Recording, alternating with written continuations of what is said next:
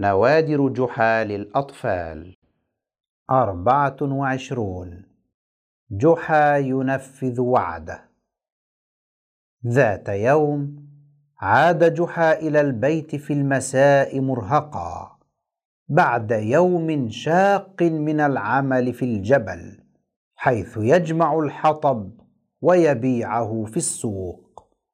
وبعد قليل قال جحا لزوجته في تحايل ألا تسمعين كلامي وتعطينني ما تدخرينه من مال لأشتري لي حمارا يعاونني في العمل؟ قالت زوجته أعطيك ما عندي لتشتري حمارا وأترك الدار بلا دينار يا جحا؟ قال جحا يا زوجتي إن الحمار سيجعلني أبذل مجهودا أكبر وأكثر ويعاونني في حمل الحطب من أعلى الجبل إلى السوق وسآتي لك بمال وفير. أحضرت زوجته كيس النقود قائلة خذ هذا كل ما أدخره ولكن لا بد أن تردهم لي يا جحا وإلا فلن تسلم من لساني ومطالبتي لك. عد جحا النقود التي بالكيس فوجدها خمسين دينارا فذهب إلى سوق الحمير ليشتري له حمارا بهذا الثمن. أخيرا اشترى جحا الحمار ودفع فيه ثمنا الخمسين دينارا وعاد به إلى البيت في سعادة.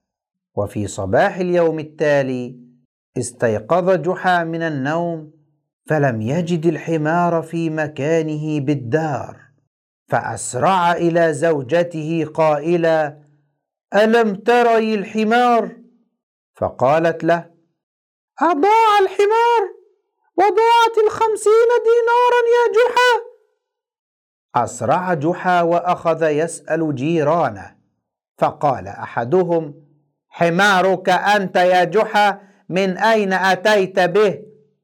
وقال آخر لابد أنك تمزح.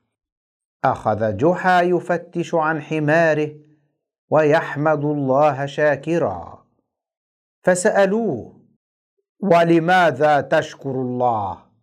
قال أشكره لأني لم أكن راكبا على الحمار وإلا فلو كنت راكبا لضعت معه.